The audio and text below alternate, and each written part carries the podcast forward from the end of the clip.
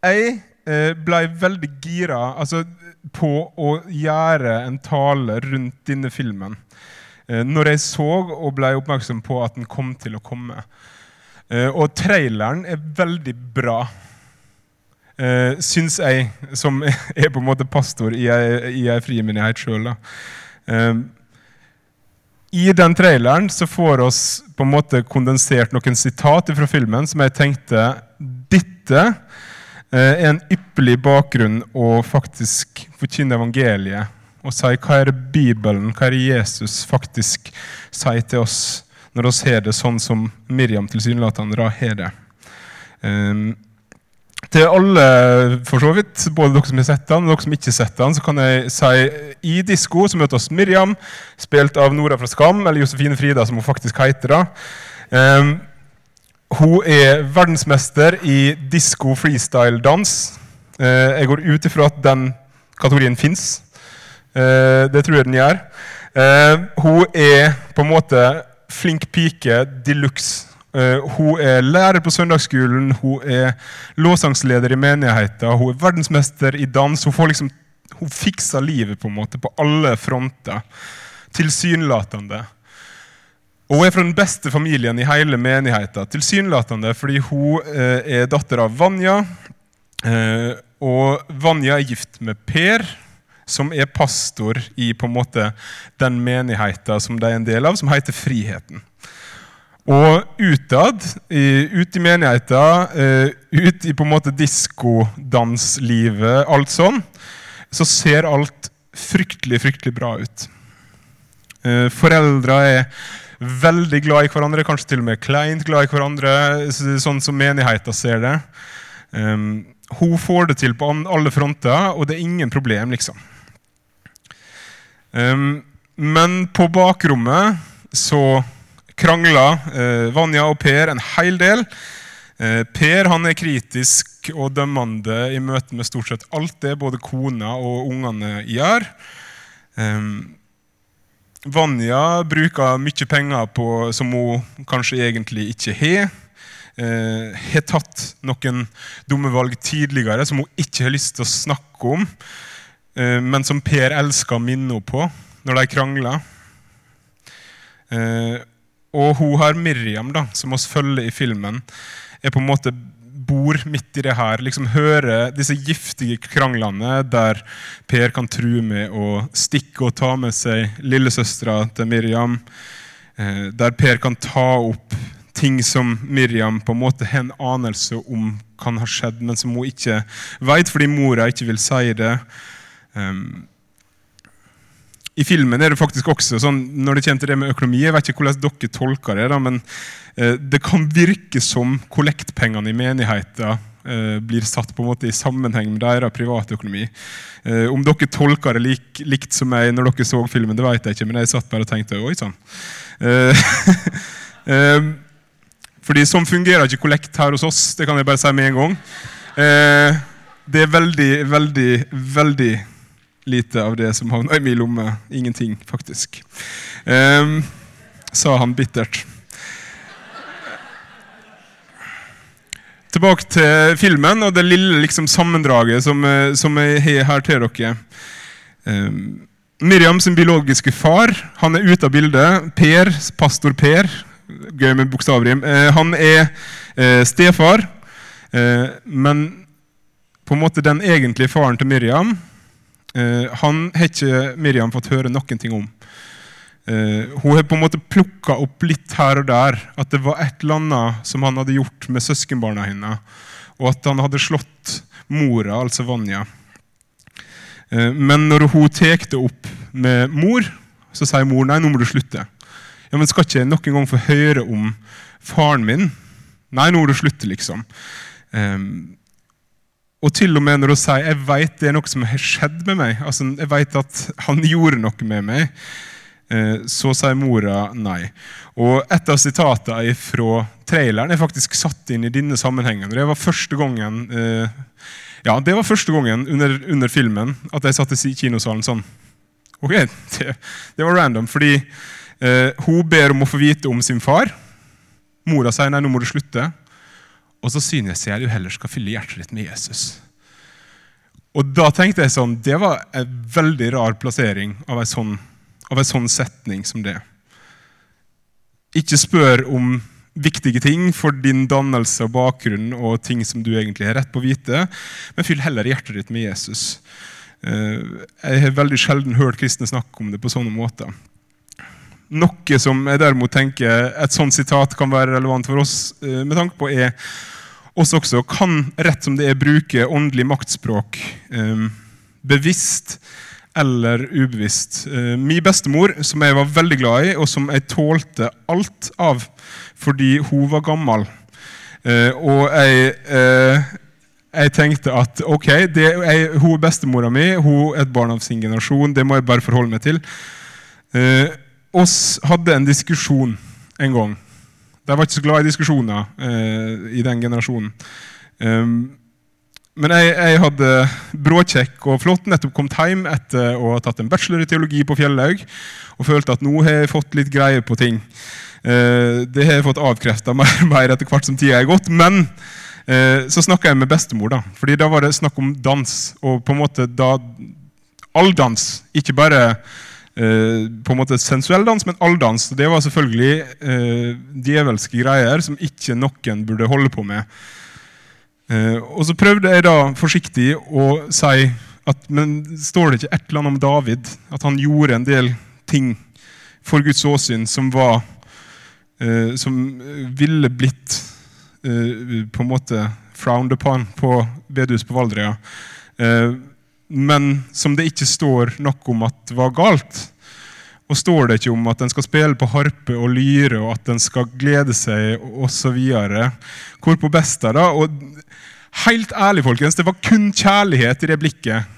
En viss sånn selvtilfredshet også, men litt mest i hvert fall kjærlighet. Så strøk hun meg på kinnet, og så sa hun det er ikke alt som er åpenbart for deg ennå. Eh, det mine venner, er åndelig maktspråk. Selv om det kommer fra ei elskverdig åtte år gammel dame, så er det åndelig maktspråk. Men når det er bestemødrene deres, så ber jeg dere om å tenke ok, det er bestemor, det er bestemor, det er bestemor. det er bestemor. Ikke, ikke, ikke gjør deg greie ut av det her. Tilbake til filmen. Det var en lang parentes. Um, midt i det her sant, så er Miriam både vellykka og lykkelig, tilsynelatende venninnene som hun dansa med, treneren eh, Alle på en måte, altså menigheter, kanskje mer enn noen, da, ser på henne og tenker 'det der'. Sånn vil jeg at mine unger skal bli. Eh, det der Hun er jo så stolt av.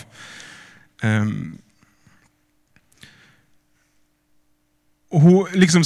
Det er forvirrende. Det er masse forventninger som ligger på henne, både med tanke på sånn åndelige ting Eh, og også med tanke på at du skal få til alt. Og hvor stadig vekk høyere fra forskjellige folk at Gud, Gud, har en helt spesiell plan med deg. Gud han skal gjøre store ting gjennom deg. Um, og til slutt så blir det for masse. Og Miriam får et illebefinnende i en dansekonkurranse, og så raser korthuset sammen. Og Filmen er herfra et portrett først og fremst av ei jente som overlesser av forventninger og motstridende eh, på en måte inntrykk, eh, motstridende beskjeder eh, og usunne åndelige miljø leter etter Gud og seg sjøl. Og filmen prøver på en måte å vise hvordan en eh, i denne sammenhengen, i hvert fall en religiøs og en kristen eh, oppvekst kan gi et for snevert verdensbilde. Kan gi for lite til at du kan tolke livet ditt på en meningsfull måte.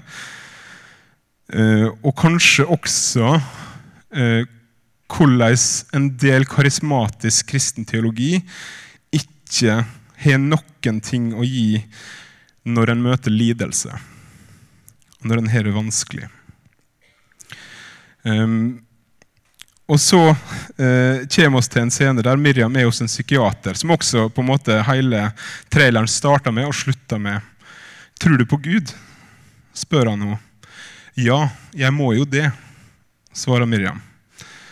Eh, og da er det på en måte som om filmen prøver å si at ja, det var det eneste hun hadde kjent. Hele familien var kristen, nettverket var kristent, stort sett. Utenom de hun dansa med, kanskje, eller noen av dem. Eh, Og I filmen så finner liksom Miriam aldri helt seg sjøl. Hun lever og finner identiteten sin i å være flink, i å please alle de andre, i å gå inn under de forventningene som alle andre har til henne. Hun kan jo ikke slutte å være kristen, for hva kommer mamma til å si da? Hva kommer til å skje med meg da? Nei, det går ikke. Eh, og Her vil jeg igjen komme med en liten input på hvordan jeg på en måte oppfatta og opplevde det. Jeg tror at for mange så kan det være sånn. Jeg tror at kanskje er oss Og da, tek, da later jeg som jeg sjøl er ung som dere fortsatt. Oss i vår alder er kanskje akkurat kommet forbi det skrittet der det er realistisk å tenke at nei, her er det noen som bare har seilt med gjennom hele livet, eh, og ikke på en måte har noe, tenkt noe selvstendig rundt tru, eh, rundt Jesus, rundt ville være en kristen. Um, men for mange så kan det være sånn. Altså, jeg, jeg tror ikke jeg er normen i denne salen. Jeg vokste opp på, først på en liten plass på Nordmøre. Der var det noen kristne familier med unger på min alder. Eh, men du ble mobba på skolen hvis du var kristen. Eh, så flytta vi til Stordal på Sunnmøre. Der var oss den eneste kristne familien med unger på min alder. Mamma var nest yngst på bedehuset. Jeg var yngst. Eh, jeg har gått på offentlig skole. Jeg har, jeg har ikke levd i ei sånn boble som denne filmen på en måte sier at Miriam har levd i. Og Miriam er vokst opp i Oslo. Det går kanskje an å vokse opp i en sånn boble i Oslo, men jeg tror det er veldig vanskelig. Eh, jeg ble tvinga til å tenke kritisk rundt egen gudstru fra jeg var seks år gammel. Og min påstand er at der filmen sier at faren for unger som har vokst opp i en kristen sammenheng, kan være at de ikke får hjelp til å finne seg sjøl, får hjelp til å tolke livet sitt, der vil jeg innvende mot det at jeg tror kristne unger ofte blir tvinga til å tidligere enn andre ta stilling til de store eksistensielle spørsmåla. Hvem er jeg? Fins Gud? Hva skjer når jeg dør? Ehm, er det mamma og pappa har lært meg, sant, eller er det sant som alle vennene mine sier, at det er bare tull og fanteri? Er det sant som pappaen til han sier, at Bibelen er bare ei stor eventyrbok? Sånne ting møter kristne unger fra de er veldig små. Og Her syns jeg filmen treffer ganske dårlig. Jeg skal komme med noen sånn topp tre på hva jeg syns filmen treffer dårlig på, og hva jeg syns filmen treffer godt på. Tenk det gode først. Uh, sendingene til uh, Norges visjonære, som det er Visjon Norge i filmen, veldig likt. Sånn i sendekvalitet og sånn det Visjon Norge har. Uh, uten at jeg skal gå inn på hvorfor jeg veit det. andre de treffer godt på, er på en måte stemning i en moderne kristen, kristen menighet. Um, og hva jeg mener med stemning da? Jo, da mener jeg sånn det er, det er, sånn halvkult. Kanskje kan oss i Visjonssalen også på en måte si at vet du hva, dette rammer faktisk oss litt. Det er litt sånn halvkult, men det er også veldig overfladisk. Um, det er et fellesskap der en liksom Yes, det er gøy. Um, men der det ikke er rom for noe som ikke er gøy. Sjøl om en kanskje står for ting som ikke er så gøy å stå for i Norge i 2019. liksom. Det er én ting. Men når livet gjør vondt, eller når du faktisk har hatt en ræva dag, eller livet ditt ikke ser ut sånn som du skulle ønske det så ut, da er det egentlig ikke plass til det i kirka. Og dermed, helt fra pastoren og nedover i den første liksom, mainstream menigheten som møter den filmen, er det en gjeng med hyklere. Eh, det ekteskapet som Per og Vanja, altså mor og far eller mor og stefar til Miriam, viser fram på scenen i kirka, er et helt annet ekteskap enn det de faktisk har. Ikke bare ekteskapet, men de faktiske følelsene de på en måte viser eller ønsker å vise for hverandre, er tydeligvis helt annerledes på hjemmebane enn det er foran folk foran folk, der er det greit med en mikrofon i handa og si 'jeg elsker deg'. På hjemmebane så blir ikke det sagt. Um, det tror jeg filmen treffer ganske bra på, faktisk. Fordi er det Ja. Jeg, jeg leita i hvert fall lenge her i misjonssalen før jeg fant et fellesskap der jeg følte at her kan jeg faktisk være meg sjøl og bekjenne synd. Her kan jeg faktisk si det som det er når livet er drit. Og Det fant jeg i bibelgruppa som jeg fortsatt er med i.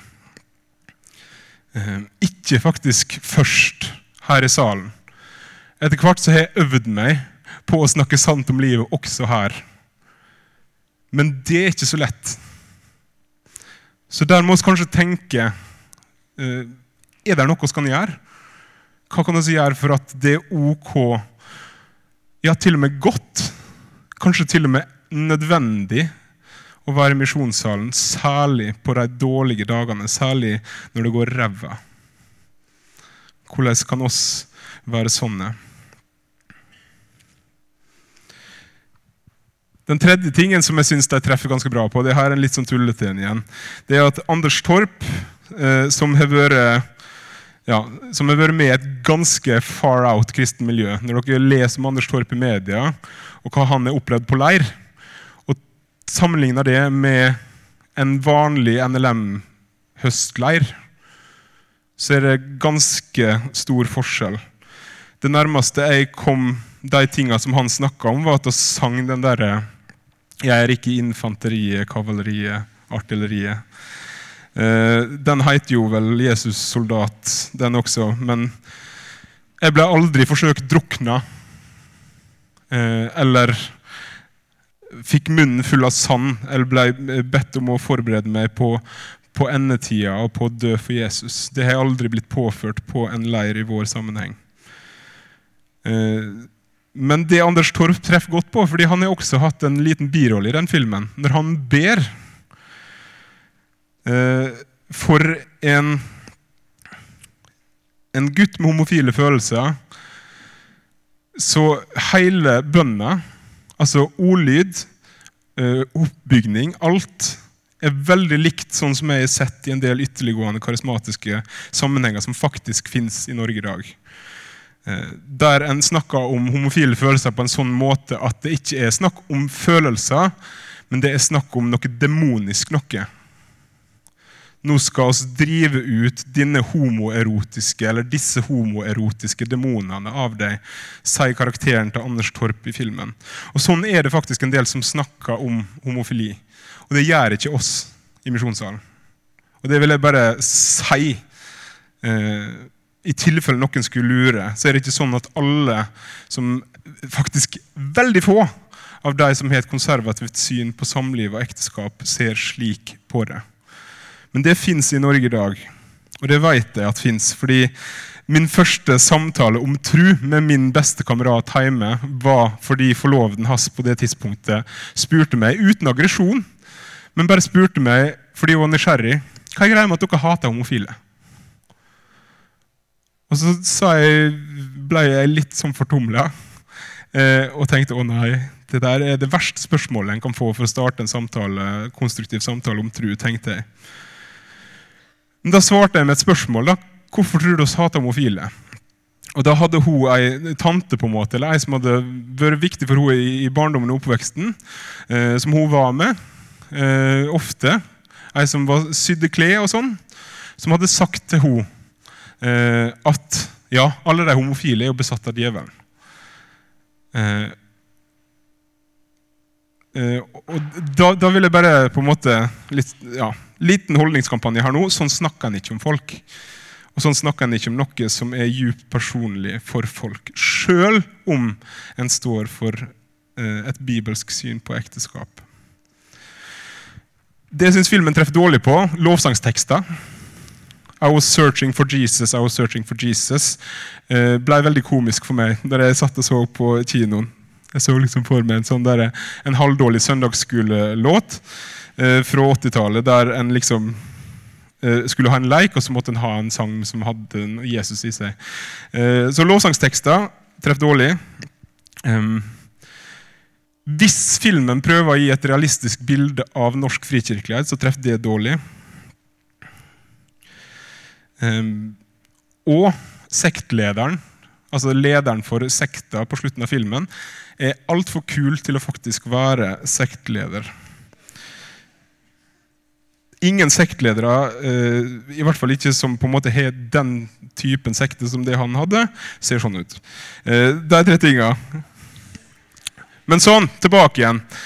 Eh, jeg tror veldig mange forskjellige erfaringer ble gjort under filmen. Og så tror jeg mange av oss som har sett filmen, har hatt en prosess etter å ha sett filmen. Der vi starta med en sånn Det her var fjernt fra min virkelighet. Sånn starter det i hvert fall for meg. Eh, jeg må innrømme at under seansen på leiren, der hun blir holdt under vann for uh, sand i munnen Når da, to sekunder etterpå, på stranda, de samme som på en måte har prøvd å drepe henne, stryker henne på ryggen og sier 'Nå er du renset', så begynte jeg å le. Fordi det var sånn Hæ? Det, det, det, det er så langt ifra min virkelighet at en skal måtte gjennomgå noe sånt som det der. Eh, og så bli rensa. Og så blir det aldri heller egentlig forklart hva er det å bli rensa ifra. Eh, så, så det, det, var veldig masse med filmen som jeg med en gang tenkte det her er det dårligste jeg har sett om norsk kristenliv noen gang. Men så etter hvert da, som du på en måte bearbeider litt og zoomer litt ut, så er det en del ting som jeg har lyst til å si noe om. Eh, jeg må jo det sier Miriam når hun blir spurt tror du på Gud. Må jo det. Jeg har ikke vokst opp i en heim der det var kommunisert på den måten.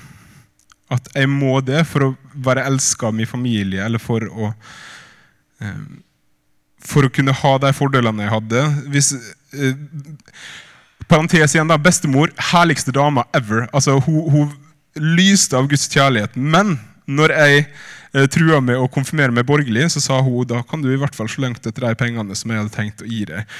Eh, så det er liksom Noen sånne ting har jeg opplevd.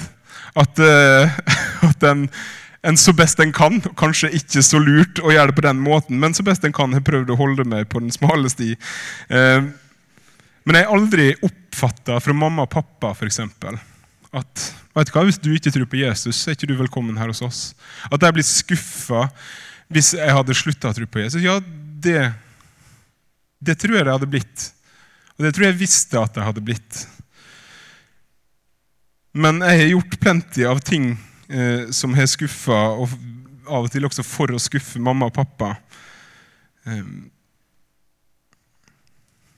så, så det, jeg vet ikke, kjent, Hvis du kjente deg igjen i det, at jeg må jo det, så vil jeg be deg spesielt faktisk om å gå til forbønn etterpå og bare snakke litt ut, eller sette litt ord på hva, hva var det som du kjente deg igjen i.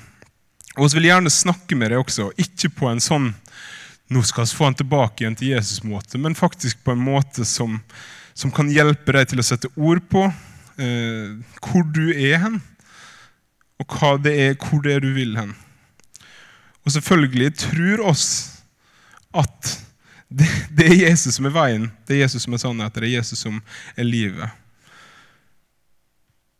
Men hvis du føler at du må være kristen, hvis frykten for hva som skjer hvis jeg går ut ifra ditt menighetsfellesskap eller ditt trossystemet Hva konsekvenser får det for vennenettverket mitt? Hva konsekvenser får det for meg? Hvis det er det du går og tenker på mer enn gleden over det Jesus har gjort for deg, gleden over å være kristen Hvis det å være kristen og frihet ikke har noe med hverandre å gjøre i ditt hode, så vil jeg gjerne snakke med deg. Det neste jeg vil si noe om, det er de tingene som blir formidla til henne når det kommer til sånne der vidløftige, store liksom, Gud har noe helt spesielt planlagt for deg. Det vet jeg. Blir det sagt flere ganger i denne filmen til ho Miriam. Stefaren, som framstår utrolig dysfunksjonell og forferdelig i denne filmen, sier også og det er også parentes åndelig maktspråk. Jeg drømte om det. Jeg drømte at du sto foran hundretusenvis av folk og sang. En skal være veldig forsiktig veldig forsiktig med å, å si for mye og for store ting om Guds konkrete plan for et annet menneske sitt liv. Tror jeg at Gud leder, at Gud kaller? Selvfølgelig er det det. Eller sånn NLM ble bygd slik at Gud konkret kaller folk til å reise til Kina. Og jeg tror Gud fortsatt kaller sånn i dag. At han kan gjennom andre, eller faktisk gjennom uh, si, en skrifta på veggen-aktig opplevelse, fortelle hva du skal gjøre, og hvor, hvor han ønsker deg. Men jeg tror for de fleste vil ikke oppleve en sånn opplevelse. Men så tror jeg veldig mange, altså flere og flere opplever at velmeinende brødre og søstre får noe som de har lyst til å dele. Eh, og så er det flere måter å dele det på, men det blir gjerne delt på en sånn måte at det ligger veldig tungt på den som mottar det. At jeg tror Gud, sånn, jeg tror Gud sier til meg at du skal gjøre sånn. Jeg tror Gud sier til meg at det er det du skal gjøre, eller at det er der du skal være. Og det vil jeg si til dere at det skal dere være veldig forsiktige med. Jeg tror at Gud kan minne oss på ting. Og da tror jeg at vi skal ta det opp med de det gjelder. Men det må bli tatt opp på en sånn måte at det ikke høres ut som det er Gud sjøl som sier det. Og hvis en skal si noe om Guds plan med våre liv, så tror jeg Bibelen er en god plass å starte. En ting som jeg kan si er Guds plan for alle som tror på Han, det er at også er alle kalt til å gå ut og gjøre disipler. Det siste han sa før han reiste hjem til far, det var meg gitt all makt i himmelen og på jord. Gå derfor ut og gjør alle folkeslag til mine disipler med det dere døper dem til Faderens og Sønnens og Den hellige ånds navn, og lærer dem å holde alt det jeg befalt dere. Det vet oss. Er du kristen, så er du her for å på en eller annen måte drive misjon. Ikke nødvendigvis for å være misjonær som reiser til bushen eh, og legge Norge bak seg. Men også er alle kalt til å være med på det. Det kan oss vite.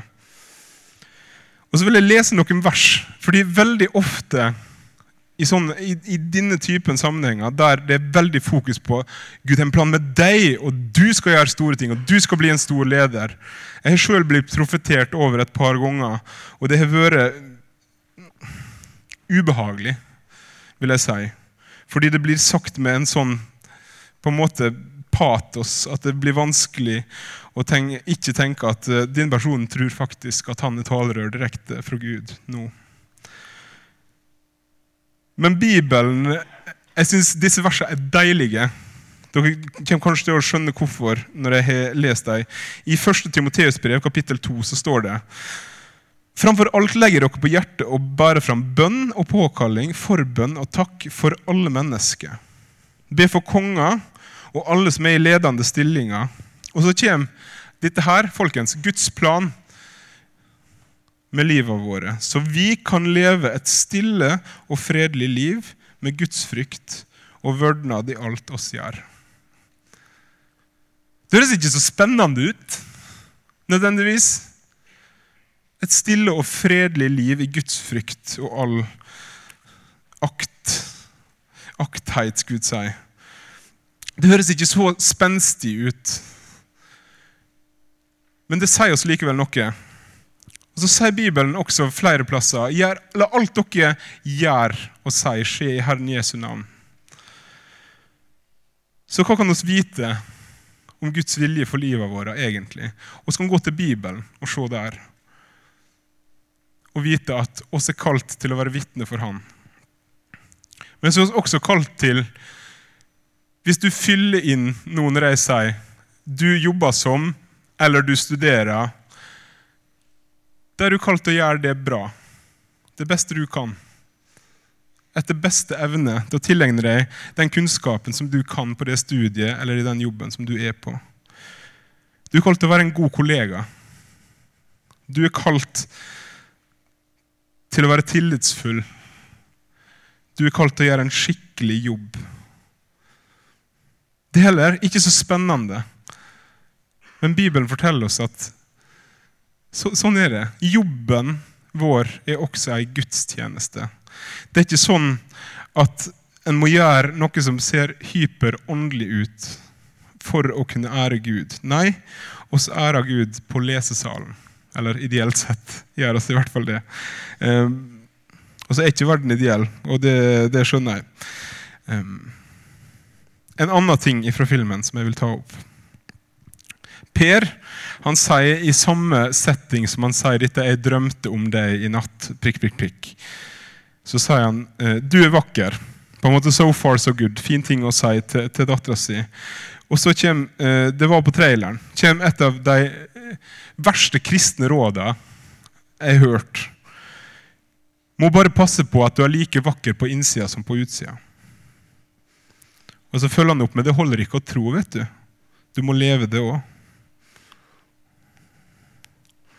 Og han følger igjen opp med du har fått alle korta. Du må bare spille deg riktig. Midt i det forventningspresset så skal hun prøve å være Miriam. Ei helt vanlig tenåringsjente. Men hun må passe på at hun er like vakker på innsida som hun er på utsida. Og det er heller ikke å tro, du må leve det òg. Og det siste der har du kanskje hørt før, fordi du, du finner det i Bibelen. Tru uten gjerninga er død, skriver Jakob, Jesu bror. Men det står også For av nåde er dere frelst ved tru, og dere hviler ikke på gjerninga for at ingen skal skryte av seg sjøl.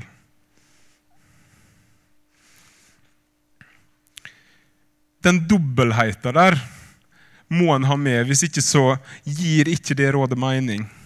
Det holder ikke å tro. vet Du du må leve det òg. Må passe på at du er like vakker på innsida som på utsida. Jeg vil invitere dere til å prøve på det. Prøv å bli like vakker på innsida som på utsida. Og er, ja, Det er ingen forskjell hvordan dere ser ut. Dere er mye styggere på bånd enn det dere tror. Og Dette sier jeg ikke for å være fele. Men Bibelen forteller oss noe om vår egen utilstrekkelighet. Når hun ligger der og tenker jeg tenker at jeg blir straffa fordi jeg ikke ler bra nok, og foreldre presterer og ikke gir henne andre råd enn ja, nå må du jobbe litt hardere, nå må du passe på at du er like fin inni som utapå. Det er heller ikke å tro. Du har fått alle korta, du må bare spille deg riktig. Alt ansvaret ligger på henne. Så Jeg sier det ikke for å være stygg, men jeg sier det er et ansvar hun ikke kan ta. Dere var døde pga. misgjerningene deres, sier Paulus når han snakker til folk. Dere var uten håp og uten Gud i verden. Dere var Guds fiender. Bibelen sitt svar, Gud sitt svar på min utilstrekkelighet, eller på min, på min, følelse av utilstrekkelighet, er ikke å si nei, du er ikke utilstrekkelig, du må bare jobbe litt hardere. Eller ja, du er kanskje utilstrekkelig nå, men bare jobb litt, så går det bra. Og Bibelen sitt svar er heller ikke Jeg så KFUK KFUM sin generalsekretær hadde skrevet en kronikk om denne filmen i dag. Der det er akkurat som at det han vil advare mot Han også vil advare mot akkurat det jeg nå snakker om. Men hans konklusjon er de skal bli aksepterte, og de skal få høre at de er bra nok. Men de er ikke det. Oss er ikke det. Jeg er ikke det. Bibelens svar på min utilstrekkelighet er ja. Ser du på korset, så utilstrekkelig var du at Jesus måtte dø der. Men det er ikke et svar bare på min utilstrekkelighet. Heldigvis. For Jesus døde på det korset pga. min utilstrekkelighet. Men han døde på det korset for å frelse meg. For å vaske meg rein. For å ta mine synder på seg. Han døde ikke der bare pga. min utilstrekkelighet, men han døde der også fordi han elska meg og ga seg sjøl for meg, som Paulus skriver. Så Bibelen sitt svar på min utilstrekkelighet er verken ta deg sammen. Pynt på innsida di. Det er ikke svaret. Svaret det er der er en som har dødd for meg. Og svaret er heller ikke 'du er god nok'. Hvis jeg er god nok, så gir ikke korset mening. Hvis jeg er god nok, så gir ikke korset mening. Hvis jeg er god nok fra før, da er Gud en sadist som drev sin sønn på korset. For hvis jeg er god nok, hvorfor skal Jesus da pinast og dø? Nei, jeg er ikke god nok. Og Det er ikke skrevet for at jeg skal grave meg ned, men det er skrevet, ned for at jeg skal kunne se opp. Og Dette gjelder ikke bare Miriam, og det gjelder ikke bare meg. Det gjelder oss alle sammen. I Romerne kapittel 3 så står det det fins ingen rettferdig, ikke en eneste. Det fins ingen vetug, ikke en som søker Gud. Alle er kommet på avveier, alle er de forderva. Det fins ikke en som gjør det gode, ikke en eneste. Ei åpa gravestrupen er strupen deres, på tunga ligger det falske ord. Under leppene ormegift, munnen er full av forbannelse og harde ord. Lett er de på foten når de vil øse ut blod.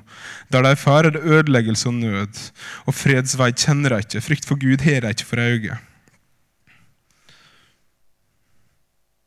Og så litt seinere, men nå er Guds rettferdighet, som lova og profetene vitner om, åpenbart utenom lova.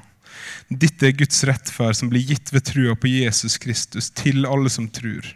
Her er det ingen forskjell, for alle har synda og mangler Guds herlighet. Men ufortjent og av Hans nåde blir de kjent rettferdig, frikjøpt i Kristus Jesus. Han er Gud stilt synlig fram, så han med sitt blod skulle være soningsstedet for de som tror. Slik visste Gud si rettferdighet. Og så Videre i kapittel 5 så kjenner mange av dere til avsnittet. Gud han viser sin kjærlighet til oss med at Kristus døde for oss mens oss enda var syndere. Og så fortsetter Paulus for å liksom male det ut for oss. Kanskje hadde det gitt mening å dø for en som var god. Men Jesus gjør ikke det. Jesus han dør for meg. Jesus han dør for meg. Jesus gir meg retten til evig liv. Jesus dør for å kjøpe meg. Og det er en utrolig dårlig byttehandel. Den reneste, den eneste som noen gang har levd opp til Guds lov. Eneste, det eneste mennesket som en kan si han er god. Tvers gjennom god.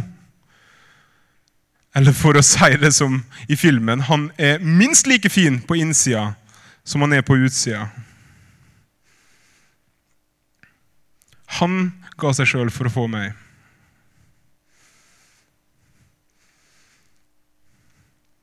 Bibelen sitt svar på min følelse av utilstrekkelighet er alle mennesker er utilstrekkelige.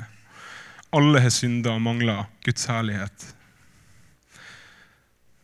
Og det hjelper oss ingen med å komme hit med en blankpolert fasade, der vi ikke våger å snakke ærlig om livet, der vi ikke våger å si 'jeg sliter', og 'jeg sliter med det', der vi ikke bekjenner for hverandre, med mindre det er en snikskryt egentlig. Vi hjelper ingen med det. Jeg får ikke noe hjelp av å være i et sånt fellesskap. Det er ikke dere heller. Og så sier jeg ikke at alle skal opp her, ta mikrofonen og så bekjenne alle sine synder og ødelegge for seg sjøl på den måten.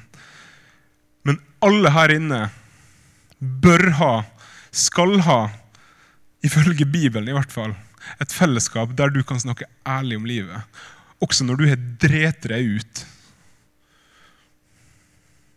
Også når du har gått for langt på en eller annen måte. Også når du er på vei vekk så skal du kunne forvente at med disse så kan jeg si det, og så blir jeg møtt på det.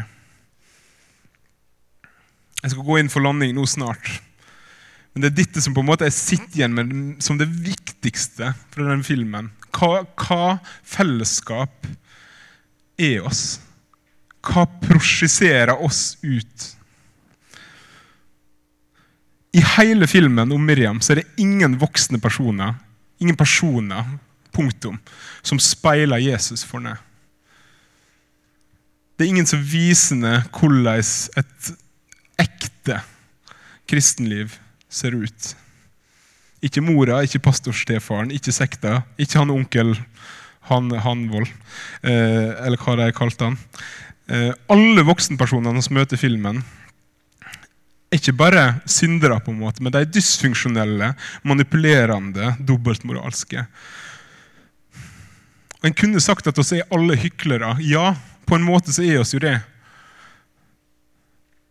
Men ikke på den måten. Kristen fellesskap skal ikke være på den måten. Tim Keller har sagt kirka skal være som venterommet hos legen, ikke som venterommet på et jobbintervju. Kirka skal være som venterom hos legen, ikke venterommet til et jobbintervju. Hvis du sitter på venterommet hos legen, så er det ikke noe problem å innrømme at det er noe galt med deg. At du har, noen skavanker. Hvorfor er du her? Nei, datter fra stien og knakk nesen. På en måte. Å ja. På jobbintervjuet så prøver du å si det beste du kan. Hva er den beste egenskapen? Nei, ydmykhet. Eh, takk. Eh, men sånn skal ikke kirka være. Kirka skal være et fellesskap som har oppsøkt Han som er legen med stor L. Jeg skal lese noen vers helt til slutt fra 1. Johannes brev. Et av dem leser oss hver gang nesten oss er nattvær. Dette er budskapet også hørt av Han og forkynner for dere. Gud er lys, i Han fins det ikke mørke. Sier oss at oss er fellesskap med Han, men vandrer i mørket. Da lyver oss og følger ikke sannheten. Men dersom oss vandrer i lyset, liksom Han er i lyset, da har vi fellesskap med hverandre. Merk det med hverandre. Og blodet fra Jesus, hans sønn, renser oss for all synd. Sier oss at oss ikke har synd da fører oss oss sjøl vil, og sannheten er ikke i oss. Og her vil jeg i en parentes si oss fører ikke bare oss sjøl vil, oss fører også hverandre og andre vil. Dersom oss bekjenner våre synder, er Han trufast og rettferdig, så Han tilgir oss syndene og renser oss for all urett. Si oss at oss ikke er synder, det gjør oss Han til løgner, og Hans ord er ikke i oss. Mine barn, dette skriver jeg til dere så dere ikke skal synde. Men om noen synder, har oss en talsmann hos Far. Det er Jesus Kristus, den rettferdige. Og han er ei soning for syndene våre. Ja, ikke bare for våre, men for alle i hele verden.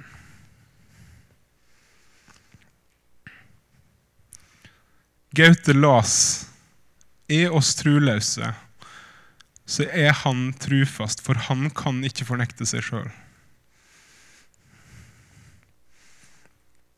Han er trufast. Han er der. Han er god. Han er sann. Og det er han jeg skal få stole på.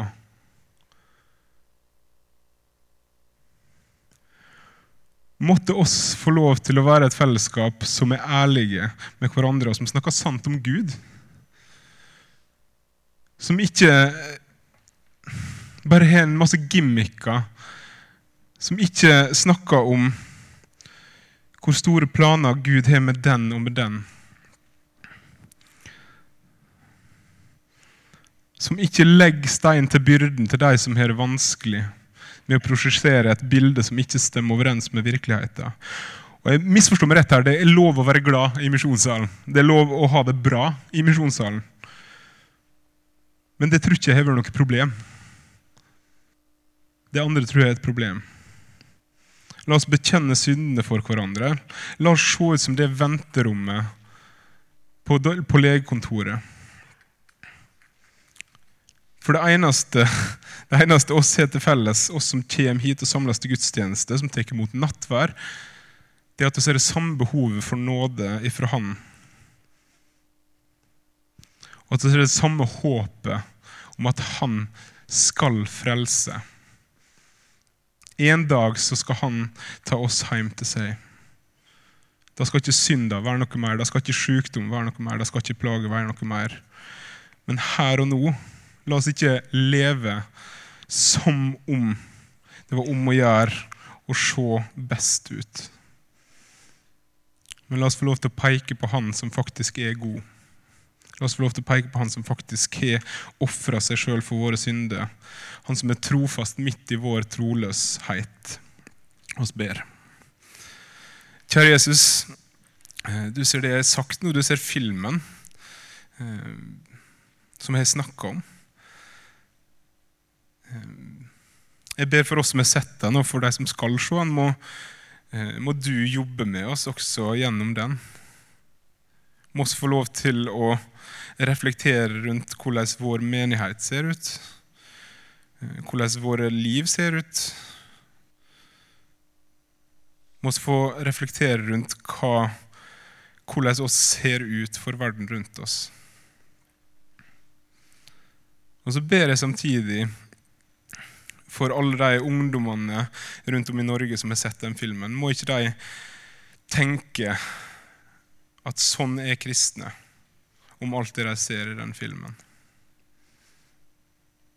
Så vil jeg takke deg for din trofasthet, Jesus. Jeg vil takke deg for at du kom for sånne som meg, som ikke er finere på innsida enn på utsida. Som rett som det prøver å pynte så utsida ser så bra som mulig ut. Og sånn at det virker som jeg fikser alt. Må du avsløre det, og må du gi alle oss et fellesskap med andre kristne der det er greit å bli avslørt. Der det er godt å bli avslørt, der det er til hjelp å bli avslørt. Må få lov til å leve i lyset med livet våre og med fellesskapet vårt. I ditt navn, Jesus. Amen.